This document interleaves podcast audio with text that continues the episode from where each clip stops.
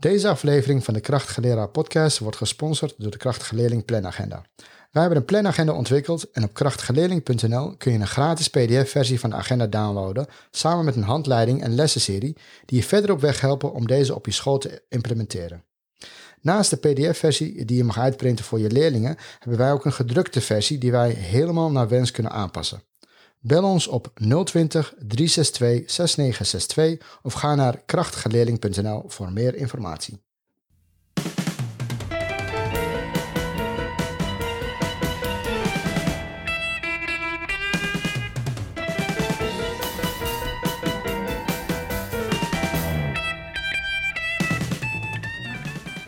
Dank jullie wel uh, dat ik uh, langs mocht komen op jullie school.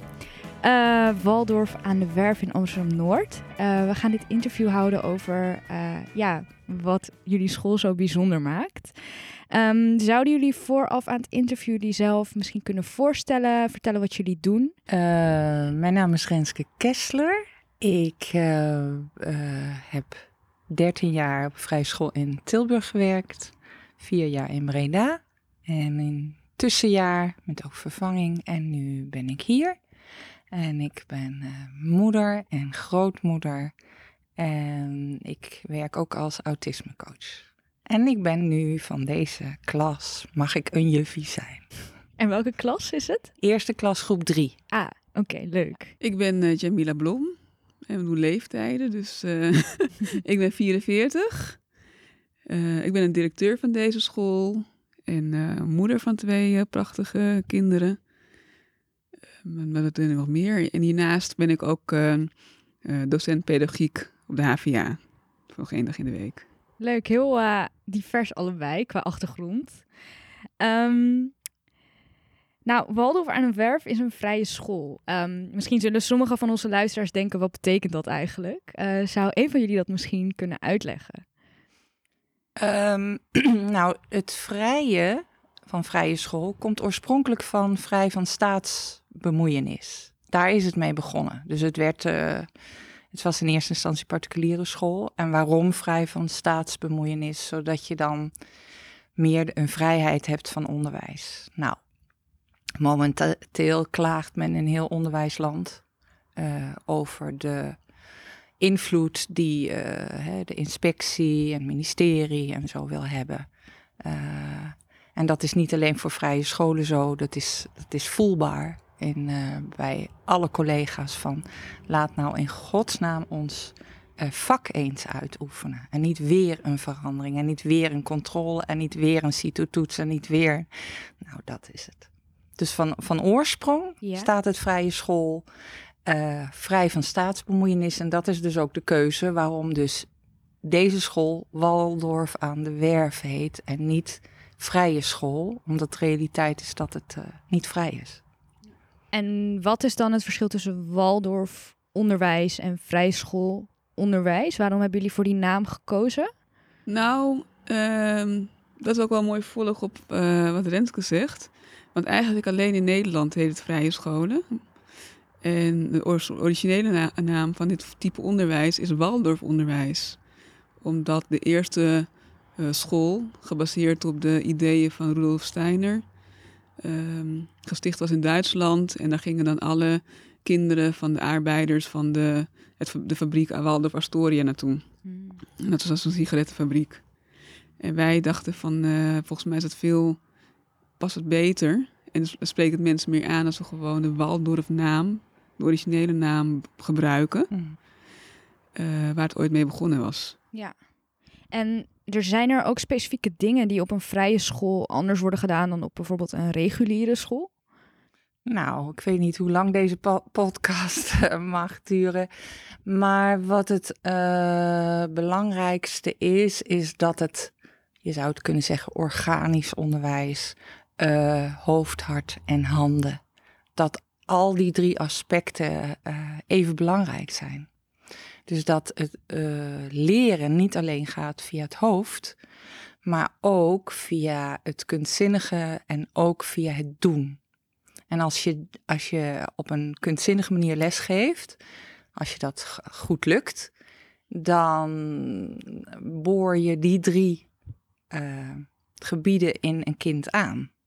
En inmiddels is al lang bekend hè, dat de invloed uh, op de hersenen van bewegen en uh, muziek bijvoorbeeld, dat komt nu steeds meer op.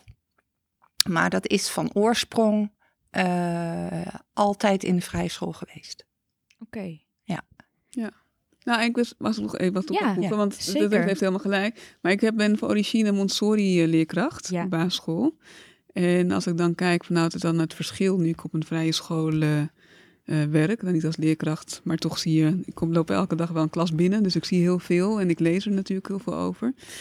Is ook echt dat ehm, ehm, de twee dingen die verschillend zijn, is dat het gemeenschapsgevoel, vind ik ook wel. We zijn echt met, een- met een klas met z'n allen voor elkaar. Ehm, dat is heel belangrijk. Kind- Kinderen krijgen de ruimte om nou ja, zichzelf te ontdekken, wie ze willen zijn. En ook de, de kleuters en dan die klas 1, groep 3 hier. Een hele grote, eh, veel ruimte en tijd om eh, hun eigen fantasie voor hun eigen fantasie vrij spel en vrij fantasie te ontwikkelen. En eh, van daaruit naar het echte leren toe te gaan van de cijfers, letters en dat soort dingen. Dat vind ik wel, ehm, dat vind ik wel eh, heel mooi. En dat, dat wordt ook in alle las- lessen door verhalen, verhalend les te geven, ook in de hoge klasse voortgezet. Dat is een mooi, mooi verschil, vind Dus ik. er is minder die kloof tussen eh, onderbouw, bovenbouw, dat bovenbouw of middenbouw meer met het hoofd is en vooral uit de boeken. Die overgang gaat wat geleidelijker of is er helemaal bijna, ja, is er minder misschien? Als ik het zo... Nou, het is dat ehm, eh, de visie vanuit de antroposofie is dat een kind vanuit het beeld leert. Ja. En nou, dan kun je, heb je hier bijvoorbeeld een voorbeeldje op het, eh, op het bord. Er zijn nu hè, de tien splitsen, de huisjes van tien. Maar dan, dan vertel ik dus een verhaal. In die, in, die, eh, in die flat wonen dus... Dit zijn vrienden. En die horen bij elkaar. Dus je, je, alles wat je aanbiedt... is in eerste instantie voor het jongere kind vanuit een beeld. Oké. Maar ga je naar de hogere klasse, dan valt dus het beeld, de, de, de eh, fantasie, gaat meer samenvallen met bijvoorbeeld in de geschiedenisverhalen met de historische feiten. Maar vertellen, dus niet voorlezen, maar vertellen is een, een eh, fundamenteel eh, onderdeel in het lager onderwijs van, eh, van de vrije school. Omdat daarmee de kinderen een eigen beeld maken. Als je noem maar wat, Karel de Grote Ja. noem maar, en, en een figuur uit, eh, hè, dus in groep 8. Dan, dan kan je vragen stellen, wat voor een leider was hij? We- kun je je voorstellen dat als welke beslissingen hij heeft genomen? Eh, wat voor een karakter heeft hij? Dus je gaat via één persoon, of één situatie of één plek, ga je de diepte in. Met als gevolg dat de kinderen dus leren ervaren dat alles verbonden is met alles. Dus daar is geen, en als je het hebt over gemeenschapszin, Mhm. nou, wat jij dan ervaart, en voor mij is dat heel vanzelfsprekend. Ehm, iedereen hoort bij iedereen. En eh, zowel de ouders als de kinderen als de leerkrachten. En die gemeenschapszin geeft een hele veilige gevoel. Ik hoor erbij. Nou, ik hoor, dit is een heel mooi bruggetje eh, van hè, wat, je, wat jullie net vertelden over die gemeenschapszin naar eh, waar jullie als school überhaupt voor staan. Ehm, want jullie staan bekend om een ja, bijzondere visie, naar mijn mening. Ehm, op welke visie is jullie school gebaseerd? Op welke visie is onze school gebaseerd?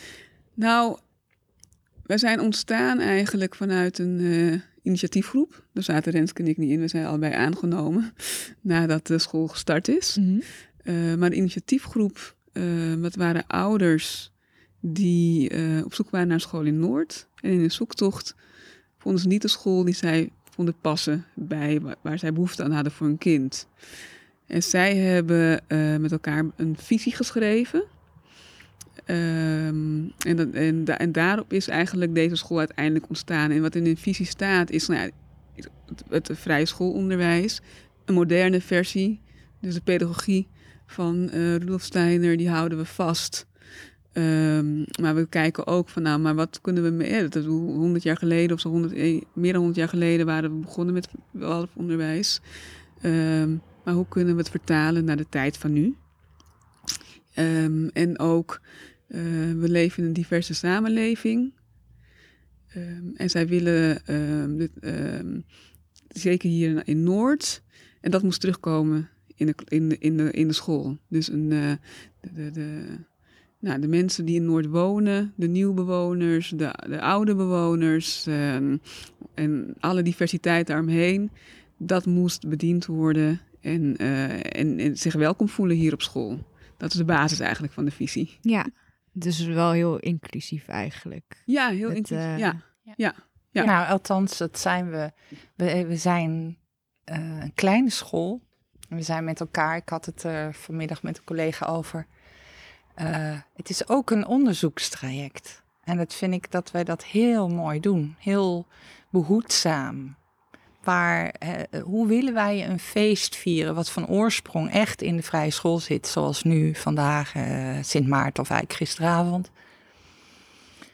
Hoe kunnen we zodanig vormgeven dat kinderen zich erin kunnen herkennen vanuit allerlei achtergronden?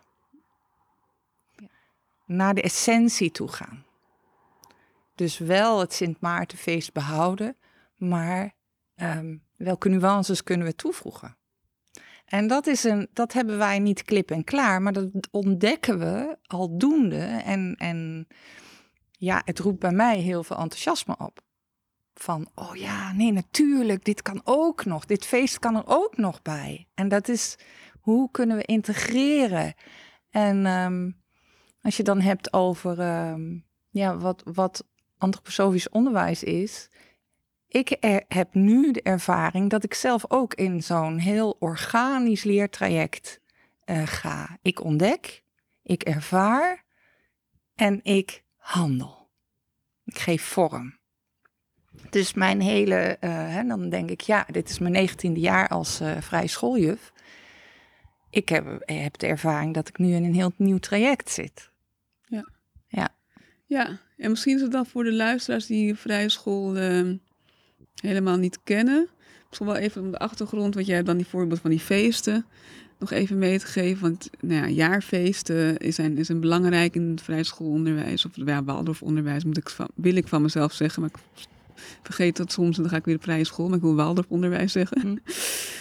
um, uh, omdat het bepaalt het ritme van, de jaar, van, het, van het jaar. En het ritme komt elk jaar terug. Dat geeft ook veiligheid voor de kinderen. Van dan weten wat ze te verwachten staan. Um, en dat is natuurlijk dat is voor, nog vooral gericht op de christelijke en Germaanse feesten van vroeger. En wij hebben zoiets van ja, als je intercultureel inclusief wil zijn, dan kan je niet alleen maar christelijke en Germaanse feesten vieren. Dus dan kijken we daar, en, daar had je het over. En wat kunnen we dan houden van die uh, traditionele feesten normaal gesproken gevierd worden. Wat vinden wij nog bij ons passen?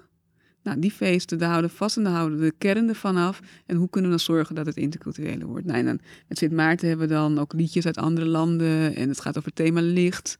Dus we hebben nu eigenlijk op de kerstkant het thema licht. Dus maandag vieren we uh, Diwali, want het heeft ook met het thema licht te maken. Um, ja, en, en, zo gaan we daar steeds door. Ja, dit is heel, heel mooi van, nou, uh, de ene helft van het, van het jaar zijn het feesten van licht. En de andere helft van het jaar zijn het feesten van groei. En wat dus fantastisch is, ik vind het, uh, ja, ik word daar heel blij van.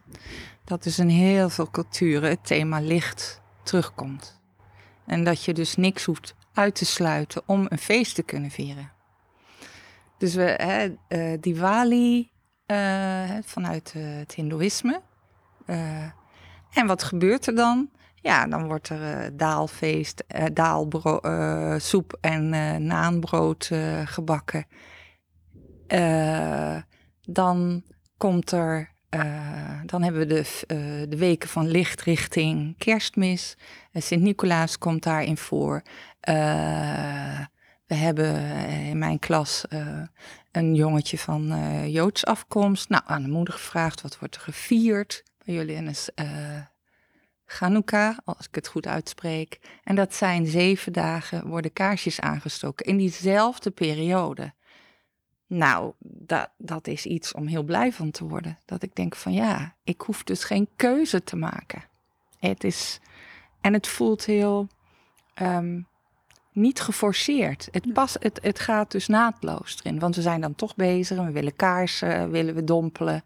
Nou, dan kunnen we die kaarsen die kinderen hebben gemaakt weer aansteken voor die dagen van uh, Hanukkah. Uh, enzovoort, enzovoort. Ja. Nou, en zo zijn er zo, en dan stoekt kunnen we vast nog allerlei andere feesten uit andere culturen die we niet nog niet kennen. Maar die komen dan vast wel weer achter en waar we dan ook vorm voor vinden om te kijken, het kunnen combineren. Ja, ja en daarnaast hebben we ook een, uh, naast het jaarfeest zijn we ook met elkaar bezig met trainingen en intervisie van hoe ga je, hè, want die feesten zijn natuurlijk heel mooi, maar ook in de dagelijkse gang in de klas. Hoe spreek je kinderen aan? Welke houding neem je aan als leerkracht om die inclusie ook tijdens de gewone reguliere lessen te waarborgen. En dat is ook een zoektocht. Die ook heel leuk is om met elkaar uh, aan te gaan en uh, met elkaar te praten daarover. Mm -hmm. Dus daar geniet ik heel erg van om dat uh, met elkaar te doen. Dus, dat, dus die laag, daar zijn we ook mee bezig. Ja. En daar hebben we nog steeds ook niet alle antwoorden op, maar dat geeft niet. Nee. We gaan steeds een stapje verder. Ja. ja. En, en wat, wat ja, welke verhalen vertel je? Welke accenten leg je? Welke beelden geef je uh, aan de kinderen mee? Uh, dus we, we, we, ja, ik ben, of we zijn op zoek ook naar verhalen waarin die differentiatie ook te vinden is en de inclusiviteit ook te vinden is. Ja. Um, maar daar, daar, ja, ook dat is, het is echt een ontdekkingstocht. Ik vind het wel heel mooi dat eigenlijk alles toch een soort van op zijn plek valt in het verhaal. Ja. Dat, dat, dat het soort van hè, als puzzelstukjes in elkaar past. En vooral heel mooi dat het nog een zoektocht is. Want ik denk dat je altijd hiervan wel kan doorblijven over. Ja. Door kan blijven. Ja. Um, hoe zien jullie... Nou ja, dit hebben jullie eigenlijk net al een beetje beantwoord. Want ik wilde vragen... Um, hoe zien jullie deze visie tot uiting komen in jullie huidige onderwijs. En ik heb nu al deel van inclusie, heb ik al heel duidelijk uh, terug horen komen. Zijn er ook nog andere aspecten die uh, jullie misschien nog willen belichten vanuit jullie visie, dat dat echt onderscheidend is voor hoe jullie handelen op school? Nou, ik, ik, wat ik dan um, voor mij het meest onderscheidende is, is dat wij als college uh, onszelf onder de loep nemen daarin hoe, dat, dat vind ik het meest uh, onderscheidende. Dat er open vragen gesteld worden.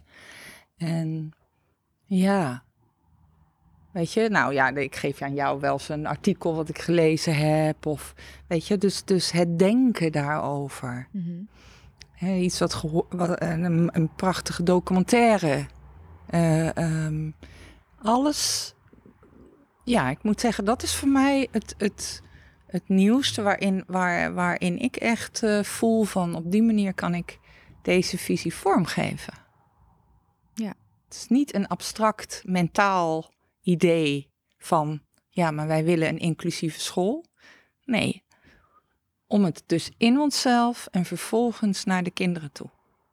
Dus eigenlijk hebben de, de leraren op deze school allemaal wel een duidelijk beeld van hoe ze het voor zich zien en zijn actief bezig met het onderzoeken doen daarnaar, als ik het zo hoor? Nou, we zijn, we zijn met z'n allen bezig met onderzoek daarna. Ja. Uh, we, iedereen ziet het belang ervan in en wil een uh, inclusie, uh, inclusief klimaat waarborgen.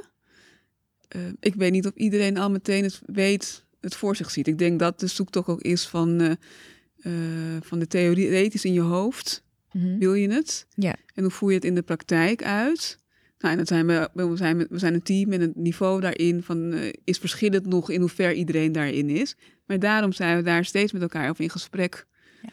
Om daar uh, voor iedereen steeds een beter beeld bij te krijgen. Ja, jullie helpen elkaar zo toch? Ja. Daar dus wel echt heel erg in. Ja, ja, het, Is een vast, het is gewoon een vast onderdeel in ons vergadercorridor, okay. zeg maar. Een, maar tussen, tussen uh, ja, weet je wel, van dan komt iemand, oh, ik heb zo'n mooi boek gevonden. Mm -hmm. Ja. Weet je? En dan moet je, moet je eens kijken, oh, dit is toch een enig kinderboek. Weet je, bij de, bij de, de kinderboekenweek waren er twee titels waarvan ik dacht, oh, dit is leuk, het prentenboek. En dan, dus het is ook, hè, er zijn, zijn echt vergadermomenten. En uh, het is vooral, ervaar ik het heel veel tussendoor. Tussendoor. Ja, dat is ook wel zo. Met, met ideeën, met ervaringen. Mhm. En uh, ja, het zet, het zet ons aan het denken. Ja. Duidelijk. En daarover um, misschien nog iets waarvan ik denk van, nou, dat vind ik wel echt heel bijzonder hierover, is het feit dat jullie wel heel actief bezig zijn met die visie. Want wat ik vaak zie uh, bij scholen waar ik heb gewerkt, um, dat er dan een visie is in de studiegids. En dan kijk ik van, nou, hoe komt dit echt in de praktijk? En dan zie ik het niet echt. En ik hoor hier heel duidelijk dat er echt actief over nagedacht wordt en continu mee bezig. Mhm. Uh, ja, Ja. heel mooi. Ehm, vaak wordt dus, eh, tenminste, ik hoor dat vaak van. Dit is wel een leerling voor dit soort onderwijs, of juist niet. Bijvoorbeeld voor Jena-plan onderwijs of Montessori is echt een Montessori-kind of een vrije schoolkind. Maar hoe zit dat precies eh, als we kijken naar jullie school? Is het geschikt voor alle kinderen of moet je er een bepaalde houding voor hebben? Ja, deze vraag wordt heel vaak gesteld op informatieavonden. Ja. Heel vaak. Nou, ten eerste, als het goed is, geef je als school gewoon goed onderwijs. Punt. En, eh, e- en dat zou dan in principe voor ieder kind geschikt moeten zijn. Ik, ik weet dat ouders eh, die, die daar vragen over hebben, he- heeft te maken, ja, maar mijn kind is niet zo creatief. Daar heeft het vaak mee te maken. Een ander ding kan zijn dat ouders, ja, van ja, maar al die feesten en wat moet ik daarmee? Daar moet je wel ergens een affiniteit mee hebben en ook ja tegen zeggen. Dan als je als ouder denkt, nou, ik vind dit allemaal zo raar gedoe en s'morgens spreuk en hoezo en eh, dan gaat het hem niet worden. En dan is het ook niet geschikt voor je kind. Dus dan, dan, houdt het, dan houdt het ook echt op, want we, daarin zijn we wel heel uitgesproken. Als het gaat over de eh, kunstzinnige manier van lesgeven, als het goed is, spreek je op allerlei lagen die kunstzinnigheid aan bij het kind. Ik heb bijvoorbeeld een jongetje in de klas die eh, helemaal niet zo goed is in schrijven en tekenen bijvoorbeeld, maar prachtig kan schilderen. Ik heb bijvoorbeeld een ander jongetje die kan prachtig bouwen. Als, als, ik, als ik hem vraag om iets te maken. En dan kan je zeggen, ja, maar is dat nou creativiteit? Nou, dat dacht ik wel. Dus ja, dat is mijn antwoord aan ouders. Van kijk, als jij ergens voelt als ouder, nou, deze sfeer spreekt mij aan. Je stapt hier binnen, nou, je kan daar niet omheen. Het is overduidelijk dat dit een, een, een Waldorfschool is. Ja. Ehm, maar mijn taak is als leerkracht om die kinderen zo aan te spreken dat ze dus in hun authentieke creativiteit aangesproken worden. En net zoals dat ze moeten leren rekenen en met taal, moeten ze ook leren tekenen en ook leren schilderen. En dan zijn er in dat hele scala zijn er momenten dat een kind zegt, "Hm, dat vind ik saai. Maar dan, om dan de conclusie te trekken, zie je wel, dat kind hoort, hè, hoort hier niet. Nee, eh, je leert schilderen, je leert tekenen, je leert breien. Je leert vormtekenen, je leert eurythmie, je leert zingen, je leert... En het ene kind heeft nou veel meer lol in zingen dan het andere kind. Ja, maar is wel dol op vormtekenen. Dus die creativiteit is zo breed dat als een ouder zegt: Ja, maar mijn kind is niet creatief, dan denk ik: Nou, ben ik niet mee eens. Ieder kind heeft een natuurlijke manier van leren en dat komt voort uit creativiteit. Ja. Dus ik zou eerlijk gezegd niet weten dat er kinderen zijn die hier niet passen. Ik denk dat het dan meer de ouders zijn die, die hier niet passen. Ja, en dat, ja, daarop aansluiten, daar- dat ben ik het ook mee eens, is ook omdat je dus vanuit die verschillende niveaus, wat je net vertelde aan het begin, eh, les geeft, hoofd, hart, handen. En elke les eh, of het nou creatief vak is, of het taal is, of rekenen, of uh, nou ja, weet ik veel, de heemkunde, komt hoofd, hart en handen komt aan bod. Drie niveaus spreek je de kinderen aan. Waardoor je dus ook volgens mij elk kind bereikt. Want de een het heel erg in zijn hoofd te leren, de ander die leert met, met voelen en doen. En uh, nou, de ander meer van, van ja, dus gevoel. Ehm, en dat zorgt ervoor dat elk kind wel iets vindt in de les, een aangrijpingspunt vindt en kan aanhaken en, die, en de inhoud meekrijgt. Dus eigenlijk is juist uh, misschien iets minder breed onderwijs, juist een plek waar kinderen wat meer gevormd worden om in, in een kader te passen. Terwijl hier zouden ze juist in principe gewoon zichzelf kunnen zijn en dat zij aangesproken worden. Het is, worden sowieso, het is een heel breed scala aan wat er aangeboden wordt. Ja, dat is wel de bedoeling inderdaad. Ja, dat is uh, als, je het, als je het goed doet, ja.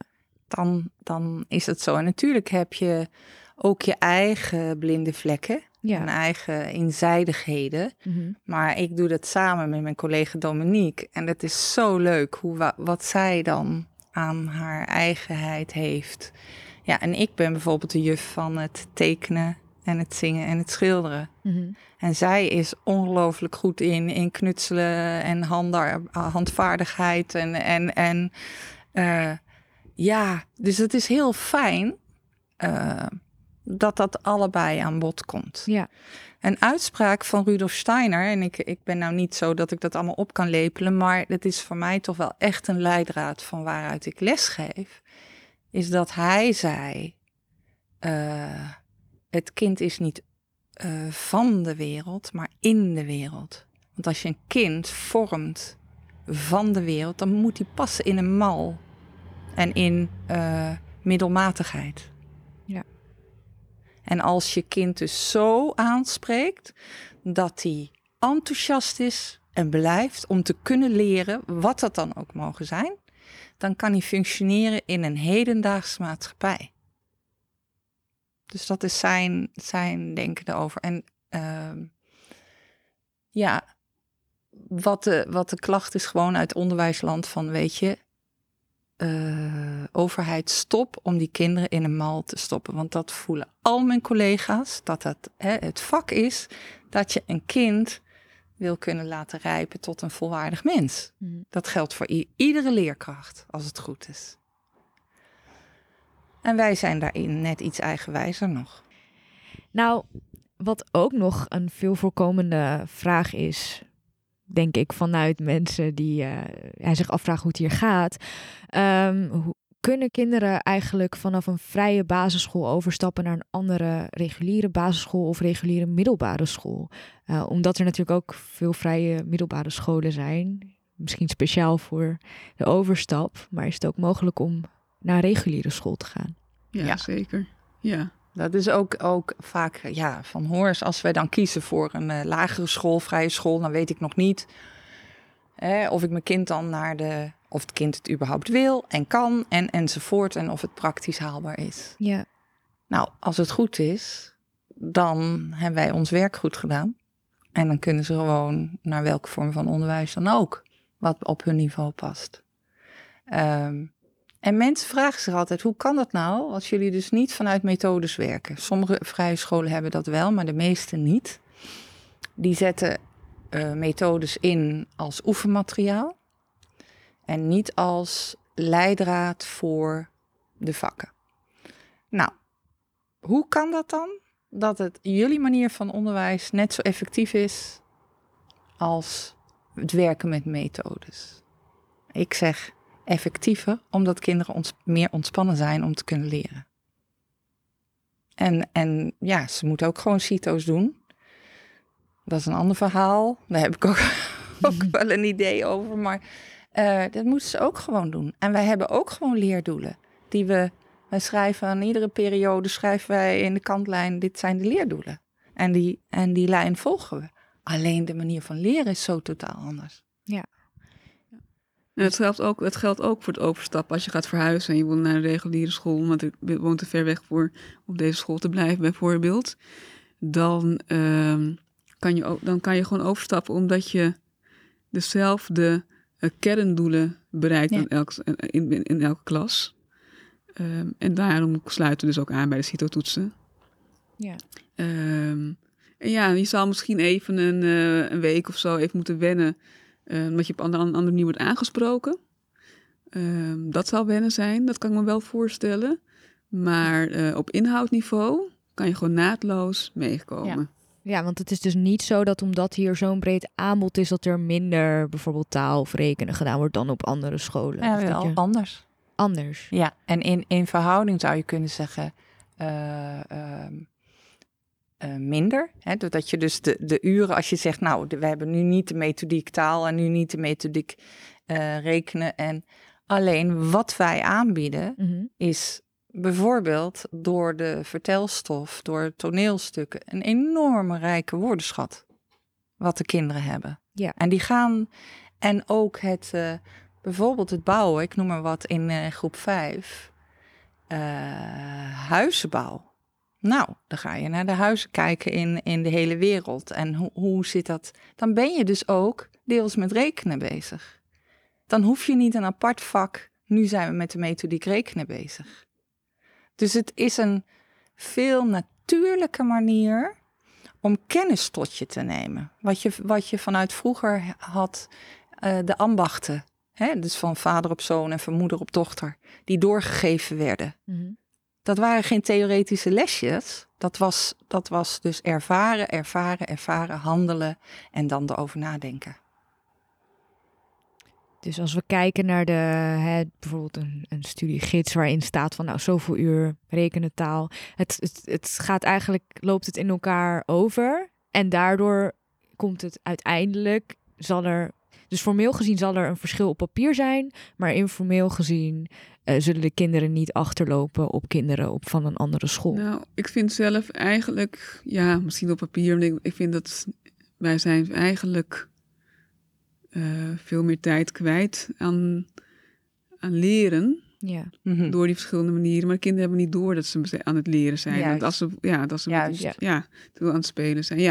En ik vind ook misschien op veel reguliere scholen tegenwoordig kijken ze vaak tv of zitten ze vaak achter de computer. Nou, dat doen wij nou, Nee, zo niet. niet. Nee, En ik de denk dat- hogere klassen wel, maar dan leren ze dus als ze werkstukken moeten maken. Dan wordt, ja. de, wordt de computer ingezet. Maar wij, zoals je het ziet, wij hebben hier geen scherm. Nee, en we kijken, nee. We hebben- Dus ik denk dat die, als, je, als je dat dan weer ervan eh, afhaalt van elkaar, dan zijn we misschien wel meer bezig met echt onderwijs. Ja. Ja. Dan wanneer ze naar een Netflix-serie kijken op school. Ja, ik vind, ik vind dit. ehm, de, de, er kwamen lang geleden een eh, studenten van de PABO, van de reguliere PABO, die komen dan een dag kijken en is gewoon informeren over verschillende vormen van onderwijs. Die vielen stel achterover. Moeten jullie al die lessen allemaal zelf? Moet je al die vakken? Ik zeg ja, maar als je gaat ontdekken hoe leuk dat is om dus ook samen met de kinderen eh, eh, iets onder de knie te krijgen dat dat gewoon het plezier is. En zij merken aan jou als leerkracht dat je plezier hebt in het lesgeven. En dat het plezierig is om iets te leren en te onderzoeken. Mhm. Nou, dat is denk ik het belangrijkste wat je ze meegeeft. Ja. En de, de, de, als ze dus naar de middelbare school gaan, gewoon regulier onderwijs, Mhm. eh, heb ik van verschillende, bij de overdracht van eh, groep 8 naar eh, middelbare school, met, met docenten gesproken van de middelbare school. En die zeiden van, we willen heel graag leerlingen hebben van de vrije school. Omdat ze zo'n plezier hebben in te leren en ze zijn gewend om zelf na te denken en hun vragen te formuleren. Het is een heel eh, houding die Ja. eigenlijk gewoon heel wenselijk is. Ja, voor heel wenselijk is. Ja. En ehm, nou, stel dat de luisteraars na dit interview eh, geïnspireerd zijn door jullie school en meer informatie willen over wat jullie doen. eh, waar kunnen ze dat dan het best vinden? Nou, we hebben een website, Mhm. wadw.school. Dus wel afkorting van Waller van der Werf, Mhm. Dus daar kunnen ze informatie eh, vinden. En ze kunnen ook e-mailen naar administratie, apenstaatje wadw.school. Dan zullen we ook alle vragen beantwoorden. Oké, fijn. Heel erg bedankt voor het interview. Ik vond het echt heel interessant eh, om informatie te krijgen over jullie school. En eh, Nou, fijne avond. Ja, ja ook bedankt. Dankjewel. Jij ook bedankt. Ja. Dankjewel.